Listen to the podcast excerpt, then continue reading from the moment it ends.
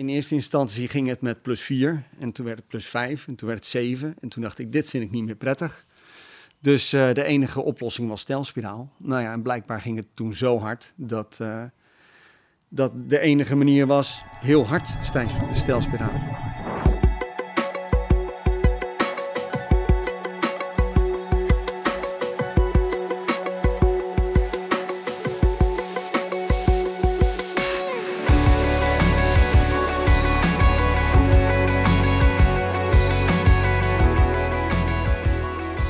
Hallo, leuk dat je luistert naar Vliegpraat, de podcast waar het alleen maar gaat over paragliden en alles wat daarbij komt kijken. En dat is soms nogal wat. Geen wind, knoepert harde wind, inklappertje hier, plus 4 naar boven daar. Hoe houd je controle over je scherm? Ik ben Harro Brouwer en het leek me tijd om het over SIF te hebben. De veiligheidstraining dus. Bonuspunt als je nu hardop roept waar SIF voor staat. Ja, nou, ik moest het echt opzoeken. Simulation d'incident en vol. SIF. Veiligheidstraining dus. En ik zit in de achtertuin. Misschien hoor je vogels die verstopt zitten in het gras hier in het weiland. Bij uh, Mark Schoonhoven. Die zich bij de afdeling paragliding van de KNVVL ook inzet voor onder meer examens en theorie. Dat klopt. Hi Mark. Hallo, goedenavond. Hele inleiding. Misschien kun je je kort even voorstellen. Uh, Mark Schoonhoven, 46 jaar. Ik vlieg al uh, enige tijd paragliding. Ben ooit begonnen als Delta-piloot. En uh, ja, we zijn hier in Heino en we kijken uit op, een, op een weiland waar ik wel eens vanaf vertrek met de paramotor. En dan is het heel mooi hier boven het huis rondcirkelen. Ja, want jij vliegt ook aan een paramotor. Ja, ik doe, uh, delta vliegen doe ik niet meer zoveel, maar paragliding en uh, paramotorvliegen doe ik uh, regelmatig. Ja. Um, we gaan het hebben over de veiligheidstraining. Oké. Klopt het dat je zeven keer bij een SIF-training bent geweest? Ja, ik ben best veel, veel keren bij een SIF-training geweest. De ene keer is het dat je een nieuwe vleugel hebt. de volgende keer is het omdat je datgene wat je de vorige keer hebt geleerd nog beter wil kunnen. Ehm ja, omdat je bijvoorbeeld helikopter wil leren. Nou, dan doe je dat uh, een aantal keer. Een aantal keer resulteert dat in een uh, mooie voelstol. Maar uh, oefening baart kunst. Dus ehm, eigenlijk zoveel mogelijk doen en dan word je er beter in. Zeven keer dus, waarvan twee keer bij Simon Winkler, begrijp ik. Ja, klopt ja. Een gerenommeerde Duitse SIF-instructeur van begin 30. Simon heeft van alles gedaan, ja, eigenlijk net als jij acro, wedstrijden gevlogen, testpiloot is hij, noem het maar op. Hij is ook nog eens piloot in een passagiersvliegtuig. En Simon is er ook bij, weliswaar met een wat krakerige verbinding. En ik moet even op het Engels. Kan ik met Simon praten in een online omgeving?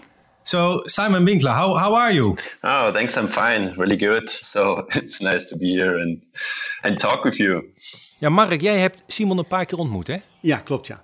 Wat kun je over hem zeggen? Een hele relaxte kerel die uh, ook heel goed kan vliegen. En dat is ook heel erg belangrijk. Dat als je als instructeur uh, zaken wil overbrengen, dat je zelf ook datgene heel goed kan.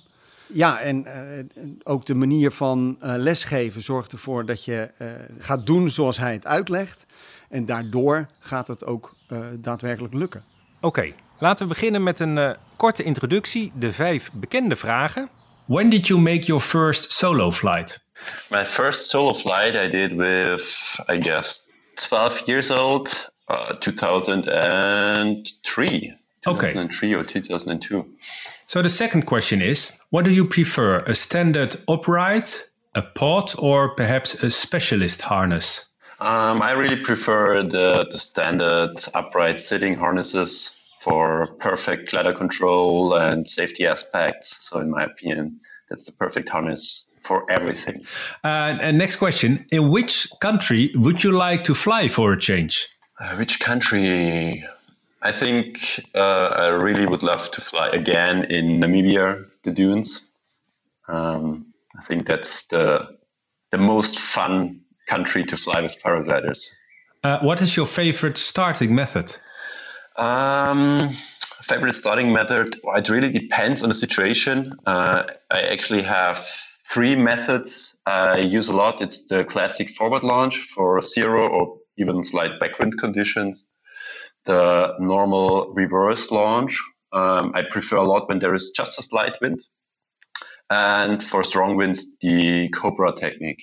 So these three techniques I use actually the main time, but depending on the conditions. Okay, fair enough. Are you a group animal or a solist? Uh, it depends on the group. so if I like the group, I, I want to fly with the group, uh, but sometimes it's as well nice to go alone. But all in all, I would say when I when I think a little bit deeper, I I enjoy really flying with a group and hanging out with a group. Nou, Mark, ook voor jou de, de vijf introductievragen. Kijk. In welk jaar ben je begonnen met uh, paragliding? 2004, 2005. Wat is jouw favoriete startmethode? Nou, net als uh, wat Simon zegt, het hangt helemaal van de situatie af. Alleen ik moet wel, uh, ik wacht vaker een zuchtje wind af, zodat achterwaarts mogelijk is. Een zitharnas of een ligharnas? Ik geloof dat Simon net zei dat hij echt voor het zitharnas gaat. Wat, wat vind Ja. jij? Nee, ik ga echt voor een, een potharnas of een ligharnas. In welk land wil je nog eens vliegen? Ik, uh, ja, er zijn zoveel landen. Ik heb er al wat gehad, maar uh, ik vind Zuid-Afrika wil ik echt nog wel eens een keertje zien. Ja. En een groepsdier of een solist, wat ben jij? Nou, ik, uh, ik zou liegen als ik ze zeggen dat ik alleen maar in de groep. Um, ik vind het ook heel fijn om alleen te vliegen. Um, gemengd hangt ook inderdaad van de groep af. Maar ik denk dat ik vaker alleen zal vliegen, ja. Goed, we gaan het over SIF hebben, de veiligheidstraining. Uh, Mark, wanneer is een piloot rijp voor zijn eerste SIF volgens jou? Ik denk dat uh, tussen, je, tussen je B1 en je B2, dan vind ik al dat je kunt beginnen met een SIF. En waarom ik dat vind is, mensen zien het als een, als een iets dat gevaarlijk is, maar je hoeft niet gelijk met je eerste SIF stalls te doen of eenzijdige inklappers met speed. Je kunt ook heel goed oren leren of ehm, negatief gaan leren. Ik denk dat het heel belangrijk is dat mensen die slipcursus uh, vrij vroeg in hun vliegcarrière al oppakken. En dan uh, een beetje re relaxed beginnen, zeg maar. Ja, relaxed beginnen. Het is, het is zoals ik al zei, je hoeft niet gelijk uh, het uiterste en het meest gevaarlijke te doen. Maar ik denk dat je pikt er zoveel van op dat um, bijvoorbeeld een stelspiraal, hè, dat is een manoeuvre die doet niet iedereen. Ook niet elke school doet dat voorafgaande aan uh, B2. Maar ik vind hem absoluut essentieel voor zelfstandig vliegen. En dan is het uh, goed om dat snel te gaan oefenen. Dus ja, zo snel mogelijk eigenlijk. Zullen we eens even luisteren hoe Simon hierover denkt? Nou, ben benieuwd. When, according to you, should a paraglider pilot take an SIV course? I think uh, you should do at least two or three. Uh, the first one um, just after the, the normal license course.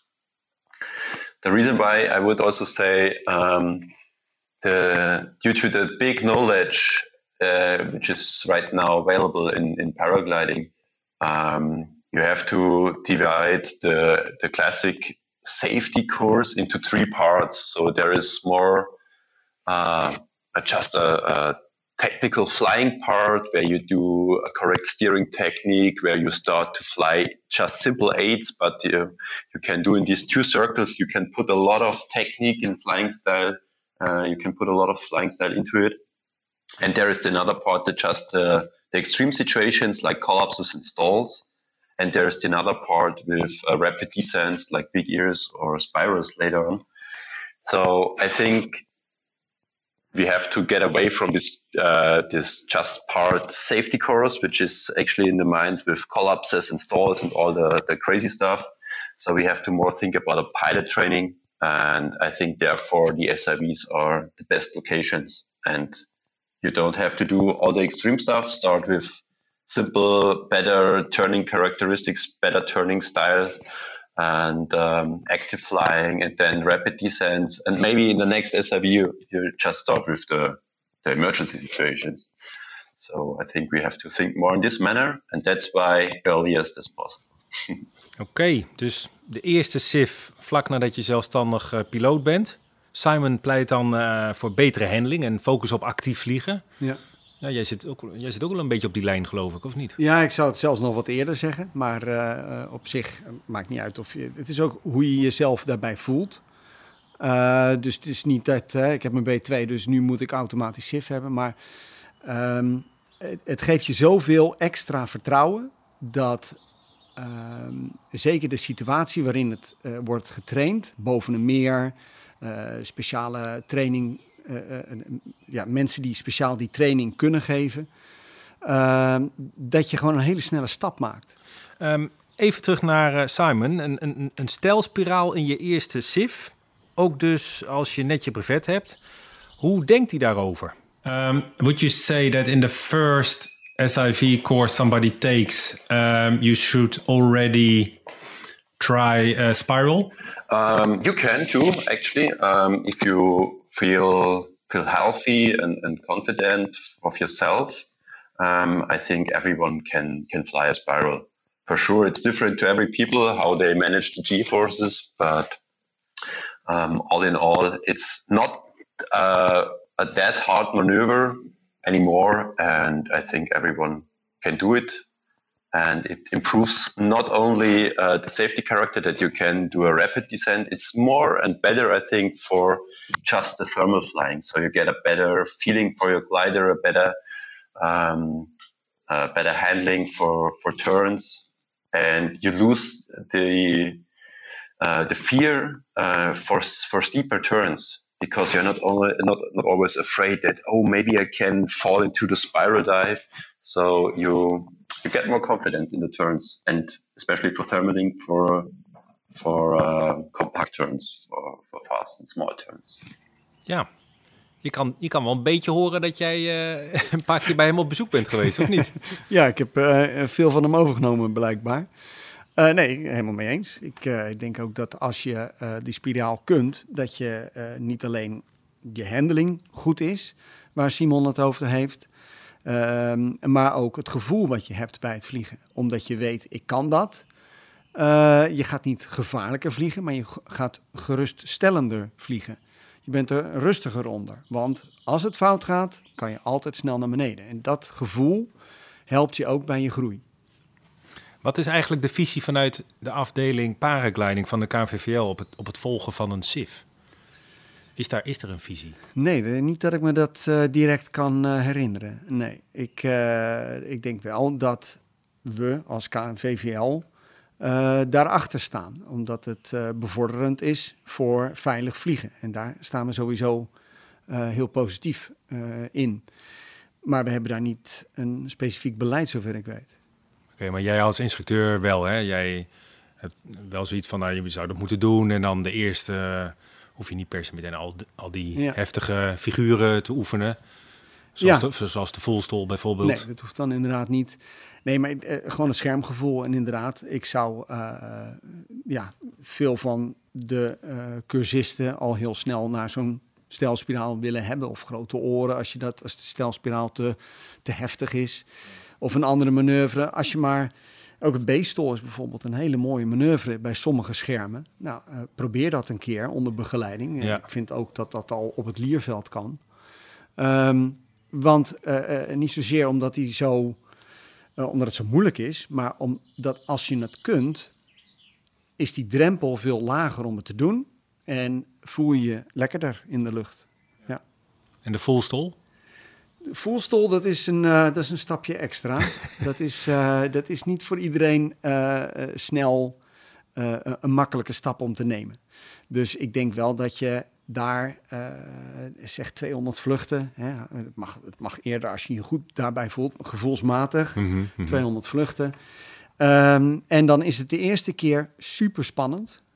zolang je maar goed in je hoofd hebt wat je moet doen en je voert het dan ook op die manier uit, dan is die voelstol uiteindelijk ook niet zo spannend. Het is de eerste keer heel spannend. En als je het eenmaal onder controle hebt, dan is het, dan is het bijna, oh, we doen hem even.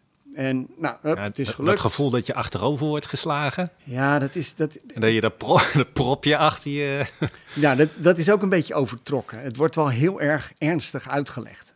En um, het is ook, als je dat ziet boven je, het propje, dan denk je zo, het doet het niet, uh, dat is vervelend. Maar op het moment dat je weet hoe je het ding kunt herstellen, dan is dat propje niet zo hinderlijk. Dan is het, als je in backflight bent bijvoorbeeld, Dat is een, uh, net voordat hij weer uh, gaat, gaat happen om te gaan vliegen. Um, dan is dat een heel leuk gevoel. Je kunt daar gewoon, ja, nou van genieten weet ik niet, maar je, kunt, je kunt ermee vliegen. En denk, nou, kijk, hij doet het. Ja, en nou gaat hij waarschijnlijk weer vliegen als ik nu mijn handen hoog doe. Hop, en hij doet het weer. Het is, uh, het is wel een trucje. Ja, je moet het niet, uh, je, je, moet het wel echt leren. Ja. ja. Uh, even vragen aan Simon hoe hij denkt over de voelstol. De resetknop wordt die ook wel eens genoemd. Mr. Winkler. in a basic sense is uh, a steering technique to avoid stalls because I think the the stall on the glider is a way bigger issue than collapses. Um, our gliders are really have a really bad stall behavior. Actually, uh, compared to other airplanes or flying machines, it's really dangerous. And that's why a technique to avoid stalls in the basic uh, manner is the most important And actually, my dream would be that every pilot would master the, the full stall or the, the negative turning, the, the asymmetric stall, because then we would uh, avoid a lot of accidents. Oké, dat is wel grappig, want volgens mij zegt hij twee dingen hier. Hij zegt aan de ene kant, je moet er heel voorzichtig mee zijn, want we, we vliegen aan een toestel, als je het vergelijkt met een Boeing, ik noem maar wat, zegt hij eigenlijk. ja, hebben wij... Uh, meer last van uh, om in een volstol terecht te komen. Ja. En aan de andere kant zegt hij, ja, we moeten wel, uh, we moeten hem wel beheersen. Dat ze, als iedereen goed zou beheersen, dan hebben we een stuk minder ongelukken. Ja, nou, dat hangt een beetje samen met uh, hoe hoog je zit, denk ik. Dus dat, dat moet daar wel bij gezegd worden. Voordat je een voelstol doet en kunt, moet je wel, als je laag zit, zou ik hem niet meer doen. Nee. Hè? Dus dan, dan is dat niet meer een optie. En, en, met de kennis van de Fullstol en ieders bagage zou het vliegen dan verbeteren, veiliger worden, wat, wat hij zegt? Um, ja, maar daar moet wel bij gezegd worden dat uh, je nog steeds dat niet als enige redmiddel moet gaan beschouwen en dat je altijd nog terug moet vallen op je reserve of op je capaciteit om snel dingen te herstellen. Dus ik zou zeggen, als eerste voorkomen uh, als tweede, uh, let op je hoogte, gooi dan maar een reserve. En als je genoeg hoogte hebt, ja, en je hebt die controle van die voelstol, dan de voelstol. en dan heb je één of twee cursussen gedaan, SIF-cursussen. Je voelt je veilig onder je vleugel, kent hem goed. En dan komt het moment dat je overstapt op een nieuw scherm. Misschien wel een hogere klasse. Ja. Moet je dan opnieuw een SIF doen? Moeten is, uh, dat weet ik niet. Is het verstandig? Ja, ik vind het verstandig omdat, um, uh, uh, omdat je toch dat scherm weer opnieuw moet leren kennen. Ehm, ook even vragen aan Simon. Nieuw glider, nieuw SIF course? Um, I would say it's true until a certain point. So um, I think you need to get the the basic understanding of glider characteristics until a classification of ENB. So with ENC gliders and even even END gliders, um, the SIF course gets more and more senseless because you can't train that much, you can't simulate that much, and you actually end up with these high performance gliders just in stall training. Uh, because collapse simulation is almost impossible to get something realistic, uh, except the folding lines. And uh, that's why I think it's it, it's important to do something with an A glider or with your E and B glider, uh, and to get to know everything with these gliders. And then you are ready to go with the high performance gliders. And maybe you do another one just for stall techniques with these wings.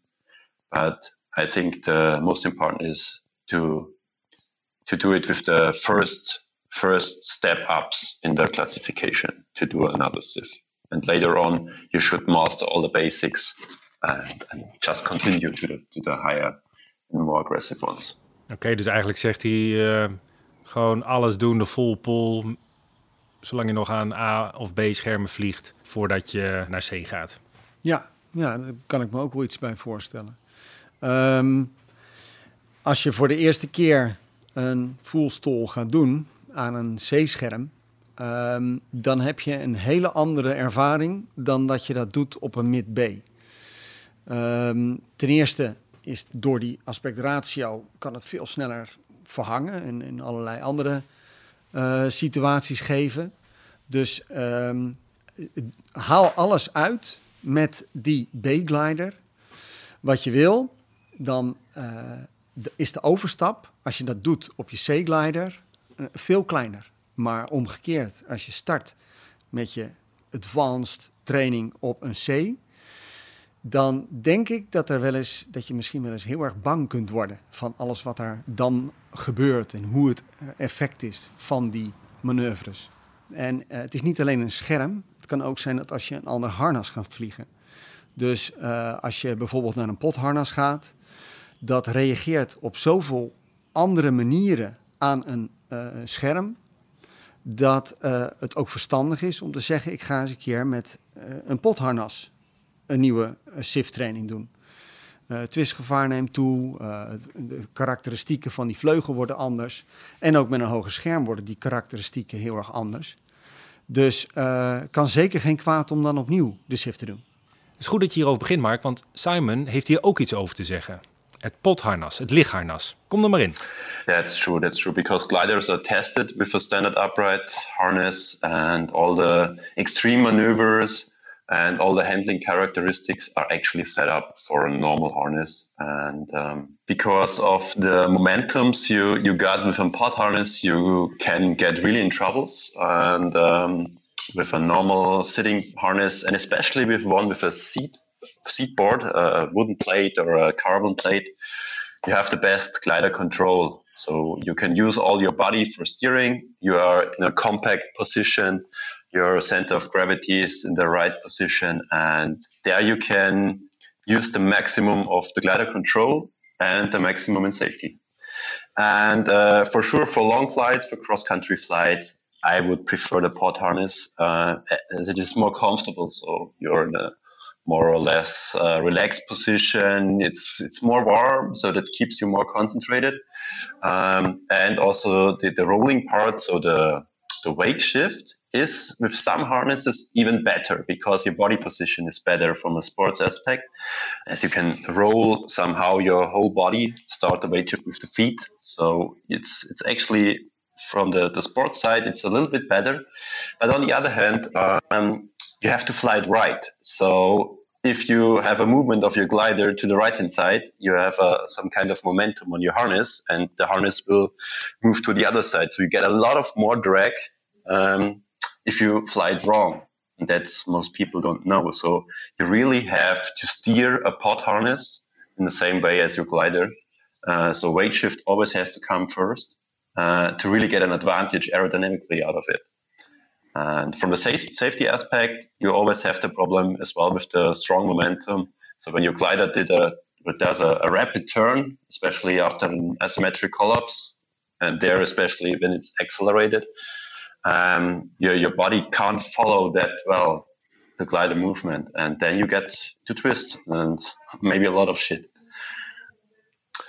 but we know all the trend you know a lot of people switch to the pod harnesses um, as they are getting better and better they are more comfortable uh, they give somehow uh, a race feeling and more a, a sailplane mm-hmm. feeling like you have a real cockpit mm-hmm. um, but you know, you should should know the disadvantages and get the information how to fly one, how to do the wake shift with it, and how to to set up um, your harness with all the, the adjustments.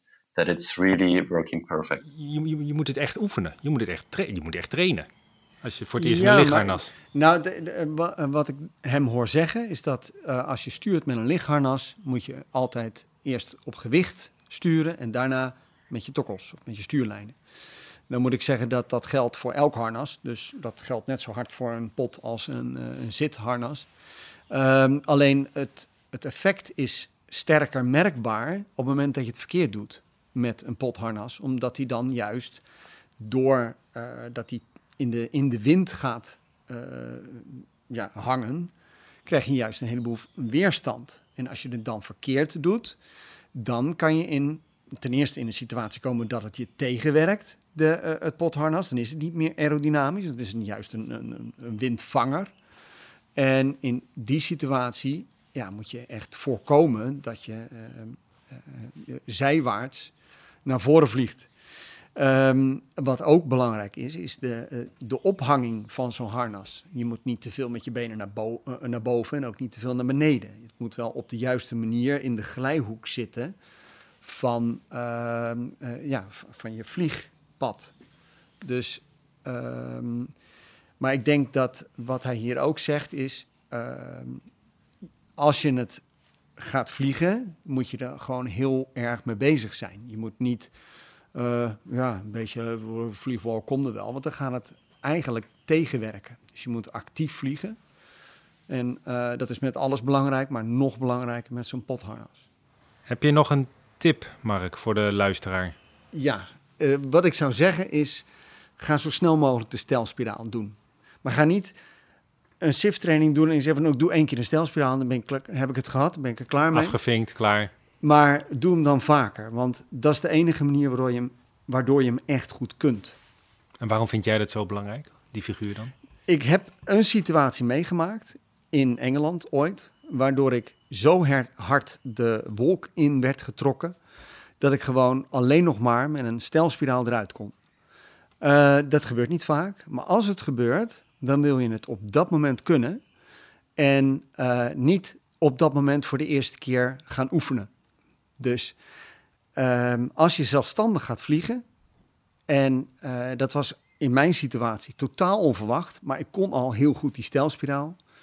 En terwijl ik in een rustige stelspiraal zit, hoor ik nog steeds mijn vario piepen. Dus ik ga met plus 2 naar boven, terwijl ik met bijna min 12 al in stel, stelspiraal zit. Dat was wel een heel pittig zuigende wolk Dat was een enorm zuigende wolk. En de enige manier was harder trekken, sneller naar beneden. En daardoor kan je dat ontsnappen. En dat zal niet vaak voorkomen. Maar zoals ik al zei, je wil het niet ontdekken op het moment dat je het echt nodig hebt. Je wil het eigenlijk voor zijn. Wat voor wolk was dit? Ik heb geen flauw idee. Ik denk, ja, ik denk ehm, congestus, iets, een cumulonimbus, ik weet het niet. Ik had het niet kunnen In, voorzien. in het begin dacht je misschien nog, nou, dit gaat lekker naar boven. Maar toen ging het steeds lekker harder, te hard naar boven. Ja, eh, in eerste instantie ging het met plus 4 en toen werd het plus 5 en toen werd het 7 en toen dacht ik, dit vind ik niet meer prettig. Dus eh, de enige oplossing was stelspiraal. Nou ja, en blijkbaar ging het toen zo hard dat, eh, dat de enige manier was heel hard stelspiraal. Nou, Ja. Fijn dat het gelukt is en ook. Ja, dat nou je ja, maar dat is, beheerst. eh, ja. ja. Eh, En Simon, een tip. Let me guess. A small tip: go to a SIF early and do a lot of ground handling. That's that's I think the way to be a safe and better pilot. Dankjewel, Mark Schoonhoven. ja, dankjewel. En Simon Winkler. Okay, well, yeah, thanks for inviting. It's was my first podcast, so it was really interesting, and uh, I really enjoyed it. Tot zover deze aflevering over SIF, Simulation d'Incident en Vol. Hopelijk heb je wat aan deze aflevering gehad. Een positieve recensie achterlaten helpt om de podcast beter vindbaar te maken en dan kunnen meer mensen ervan genieten. Heb je een vraag? Mailen kan naar harroapenstaarthebmp.nl. Ik zou het bijzonder waarderen als je een donatie wilt doen via de website petje.af schuine streep paragliding vliegpraat. Zo kan ik deze podcast vrijwillig blijven maken. Want ik kan je vertellen, er gaat heel veel tijd zitten in een aflevering. Vertel je vrienden en andere piloten over paragliding vliegpraat. En abonneer je vooral op de podcast, dan staat de volgende aflevering automatisch voor je klaar. En voor nu wens ik je veilige en mooie vluchten. En tot de volgende!